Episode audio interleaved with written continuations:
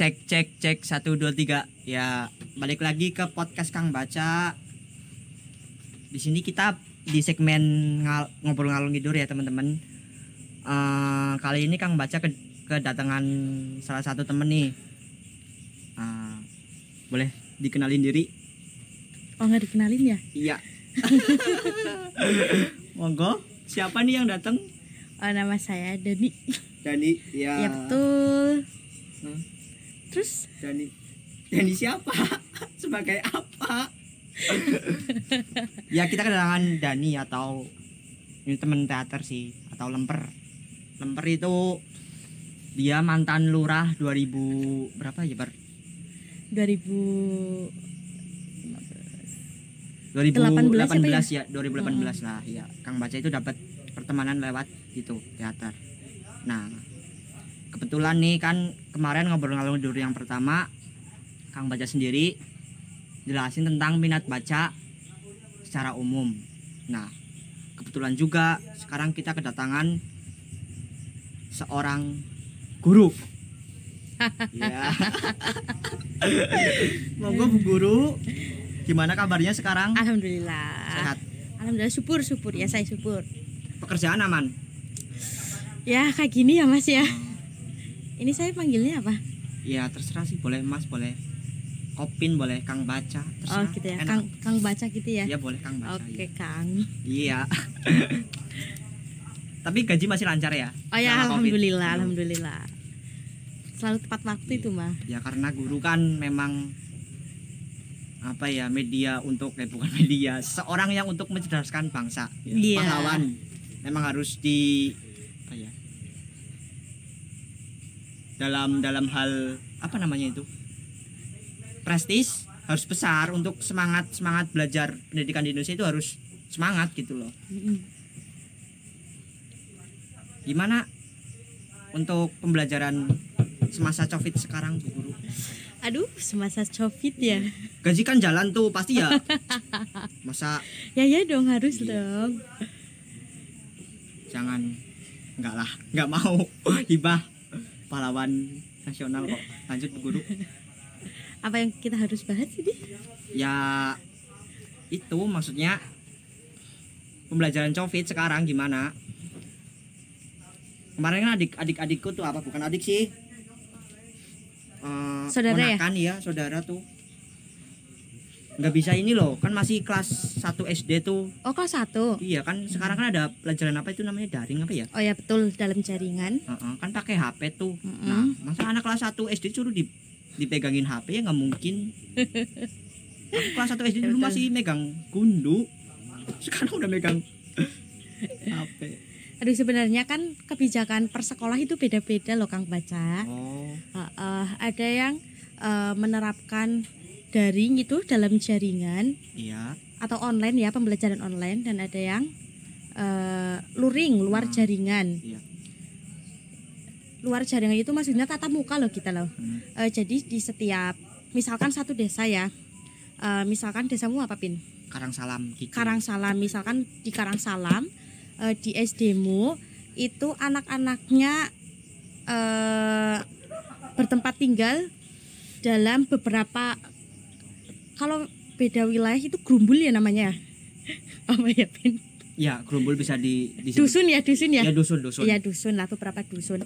Nah misalkan dalam satu dusun itu eh, misalkan ada empat atau lima anak. Hmm. Nah dari gurunya itu kita langsung datang ke situ loh. Misalkan bisa di eh, salah satu rumah anak itu bisa di salah satu tempat eh, yang memang strategis misalkan masjid kan musola gitu misal atau tem- tempat-tempat yang enak buat belajar gitu bisa atau outdoor itu bisa. Itu untuk khusus buat yang misalnya tadi kayak contoh kasus anaknya nggak bis apa nggak punya HP gitu ya. Itu bisa ditanggulangi dengan cara seperti oh iya betul betul. yang luring. Ah, ah, iya. atau luring bisa bisa digunakan untuk ya semuanya gitu loh. Maksudnya kan dalam pembelajaran daring pun apa ya dibilang efektif juga menurut Kang Baca nggak mungkin gitu loh Iya iya. Ya ya, apalagi kan eh, pengalaman saya ya Mas ya. ya Eh, saya kan ngajar di salah satu sekolah swasta Hmm. eh, di Kabupaten Banyumas. Eh, termasuknya saya eh, boleh dibilang pelosok itu bisa. Ya. Kalau daring ya itu kan harus yang pertama harus punya HP ya, jelas harus punya HP, kuota. Lah, sedangkan eh, di tempatku eh, apa ya HP aja itu nggak punya loh mas loh. Ada dalam satu kelas itu bisa dua sampai tiga anak atau bahkan lima anak yang memang nggak punya HP kayak gitu. Adapun HP, HP tapi HP celiring mas, HP celiring tahu nggak mas? Iya. Iya itulah ya. Mainannya masih snack mania. Yo, nah kayak gitu kan ya Eh, nggak bisa install WhatsApp, sedangkan sekarang kita pakainya grup WhatsApp, terus kuota juga terbatasi. Eh, belum lagi jaringan Iya betul sekali ya Sinyal. sinyal. Eh, sedangkan eh, banyak sekolah yang memang eh, apa ya, yang menengah ke bawah, Ke bawah ya. menengah ke bawah itu kan susah banget ya untuk beli kuota 1 giga aja itu sangatlah mahal Iya. bagi mereka. Beda dengan misalkan eh, orang yang menengah ke atas yang mereka eh, sekolah-sekolah di di perkotaan yo itu kan malah mempermudah mereka itu pasti.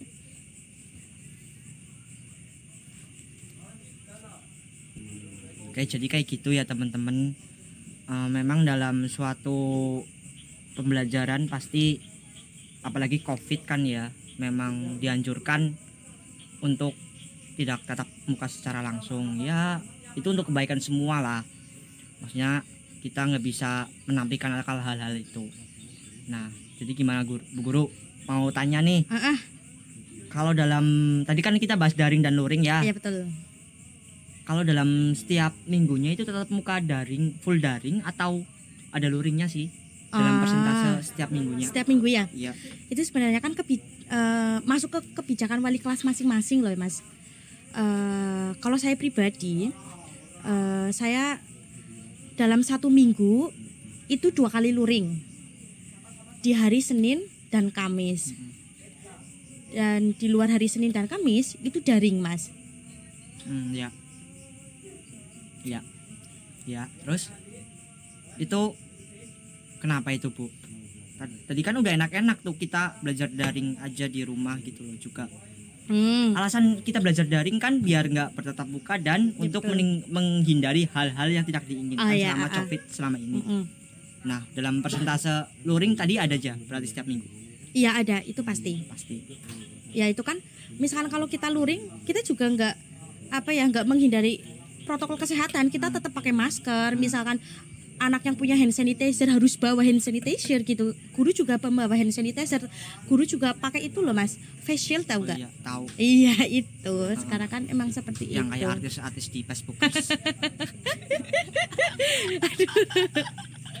Di TV-ku udah nggak ada itu tau mas. Hah?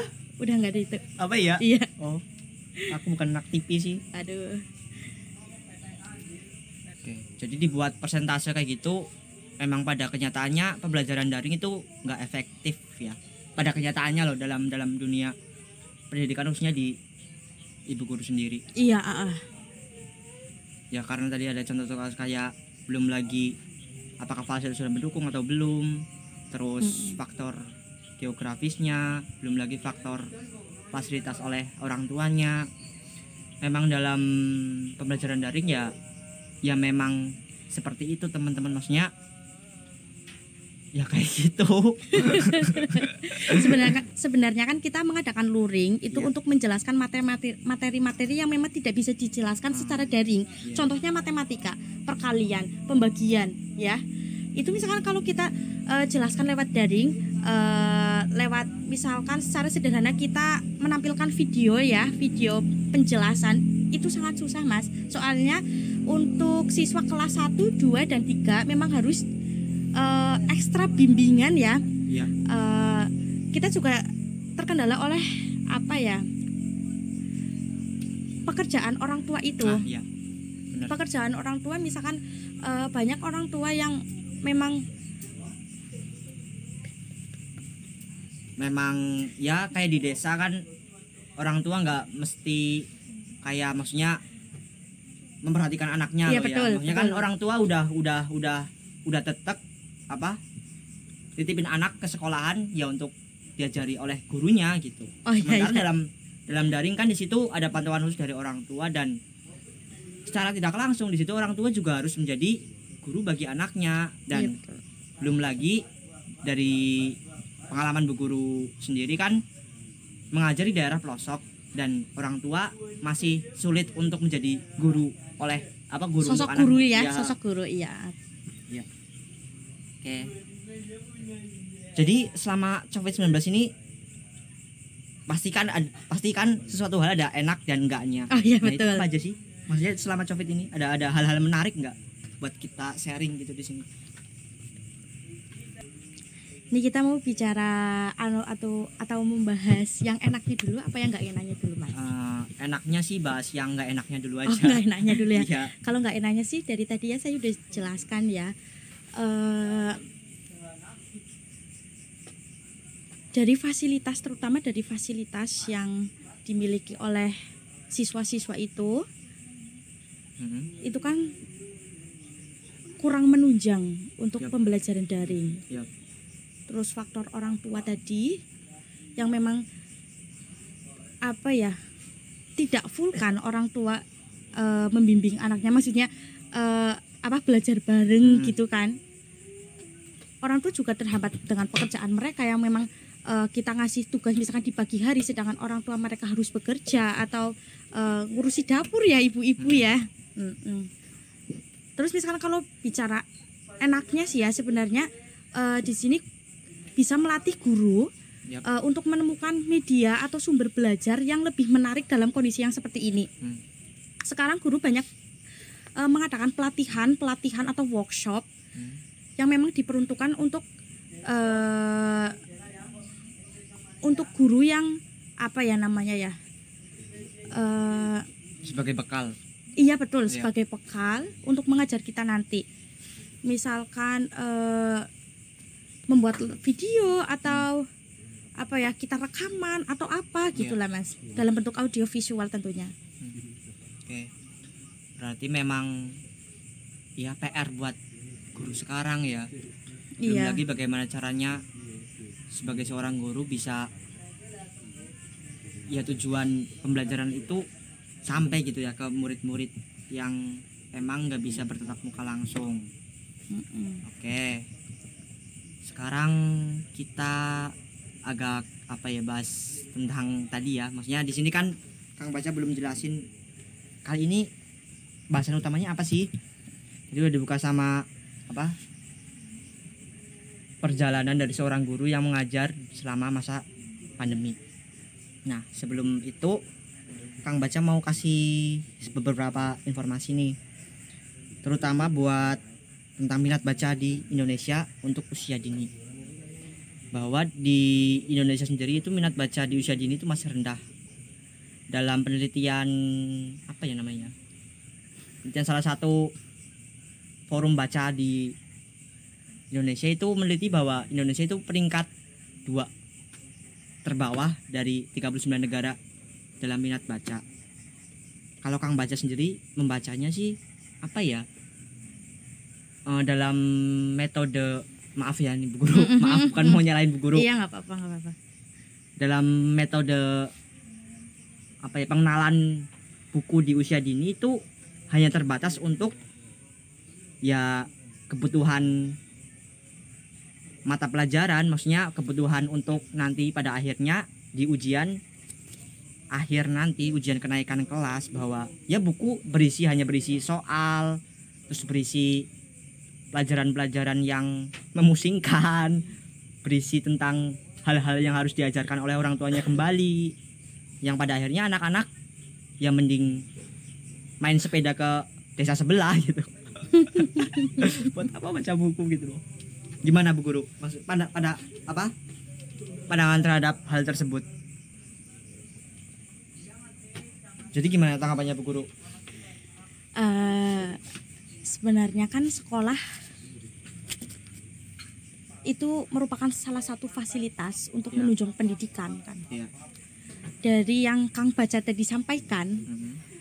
eh, sebenarnya tidak seperti itu loh mas Hmm. jadi di sekolah itu memang eh, mempunyai kurikulum kurikulum 2013 ya yang Hmm. terbaru yang eh, dari dulu mindset kita ya orang Indonesia kita sekolah pasti untuk belajar calistung ya membaca menulis dan menghitung kita tidak berhenti di situ sebenarnya ada yang namanya kompetensi inti di setiap pembelajaran dalam satu hari itu pasti ada yang diajarkan tentang kompetensi dasar itu.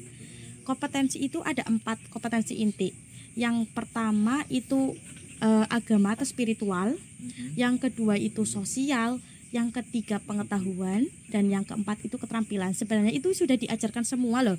Eh, jadi eh, di kurikulum 2013 ini guru itu sudah mempunyai pegangan guru atau buku guru yang memang eh, di situ sudah tertulis bagaimana pelaksanaan yang harus kita lakukan saat eh, bertatap muka dengan siswa. Mulai dari guru itu masuk ke ruangan itu sudah dituliskan di situ sebenarnya langkah-langkahnya step by step setelah sampai eh, di akhir pembelajaran sampai siswa pulang pun sudah dituliskan di situ sebenarnya. Tinggal kita para guru eh, bisa melaksanakan itu apa tidak, terus cocok dengan situasi atau kondisi siswa atau kelas yang sedang diajar atau tidak sebenarnya seperti itu. Oke. Jadi ya ya oke itu apa ya sebuah ya memang salah satu sistem ya memang dibangun untuk tujuan mulia pastinya. Nah, itu kan sebuah sistem ya dari dari langsung dari pemerintah. Nah, untuk dari pelaku utamanya di sekolahan itu bagaimana sih Cak untuk maksudnya cara mengenal menalkan sebuah buku buku mata pelajaran untuk anak-anak di usia dini bahwa buku itu isinya nggak cuman soal-soal tapi ya buku itu bersahabat loh gitu itu gimana bu guru? Eh, jadi gini ya Kang baca. Hmm. Eh, kalau dari saya, saya pribadi ya, eh, kalau dari saya pribadi, eh, biasanya kan eh, siswa membaca saat pelajaran itu biasa kebanyakan berupa soal cerita Iya. atau memang kalimat yang memang panjang gitu ya. Eh, misalkan sejarah deh. Eh, kalau saya ya daripada membaca, karena saya memang tadi ya melihat memang minat baca yang memang ya memang saya akui rendah gitu loh. Saya ganti ke eh audiovisual. Hmm, iya. Jadi saya menayangkan apa yang ada di buku lewat gambar atau video gitu mas. Jadi anak itu bisa eh, melatih imajinasinya terlebih dahulu agar eh, eh, apa namanya bisa tertarik sama bukunya Oh iya benar. gitu. Iya benar. Maksudnya kayak mancing ya. Iya, bahwa ah, ah, sebuah mancingnya. audiovisual ini pancingan mereka loh untuk untuk mengetahui banyak hal selain dari audio au- audiovisualnya nih ternyata di buku ada ada hal seperti itu loh gitu. Iya betul. Oke. Terus kan sebenarnya eh, apa ya? Kalau misalkan membangun minat baca ya di sekolah, Hmm.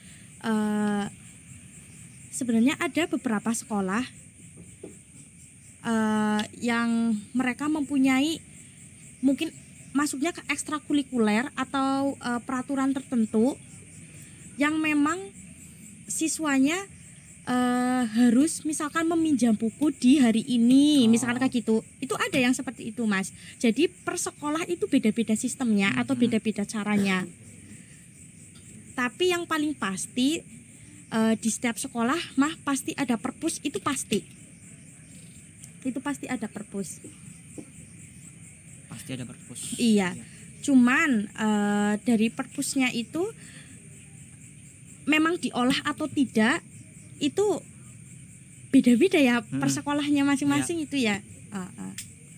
Berarti ya salah satu hal pendukung di sekolah untuk mendukung minat baca ada perpusnya. iya Nah, untuk kondisi perpus di tempat ibu guru mengajar itu seperti apa sih maksudnya? Udah udah udah udah udah ada dukungan ke situ belum sih dari pihak sekolah maksudnya mendukung Hmm. agar agar perpus itu ber- apa ya menarik lah ya menarik dan mata siswa gitu dan manfaatnya itu sampai itu loh ke ke, Mm-mm. ke ke para siswa contoh kasus kan tadi ada kunjungan perpus gitu Iya betul.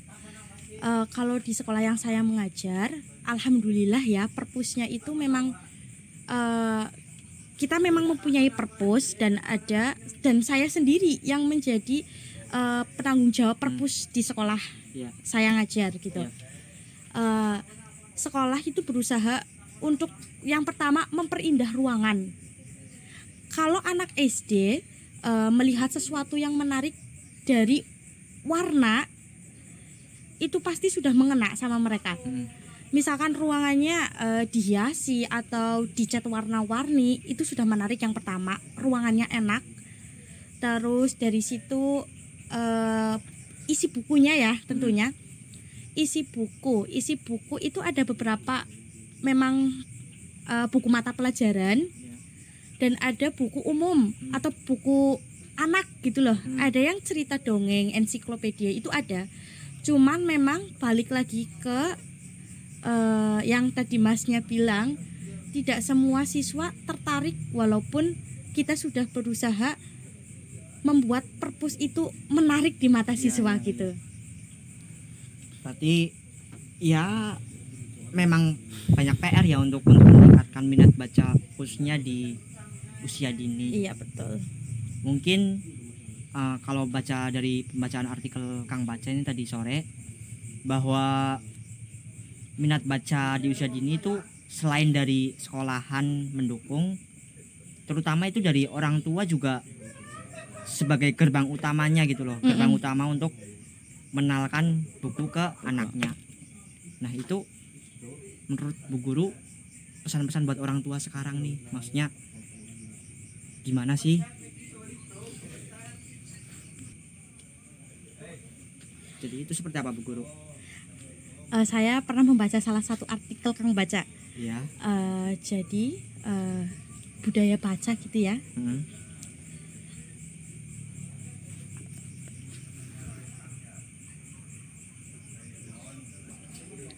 Budaya baca itu kan terbangun dari budaya tutur sebenarnya Mas Kopin.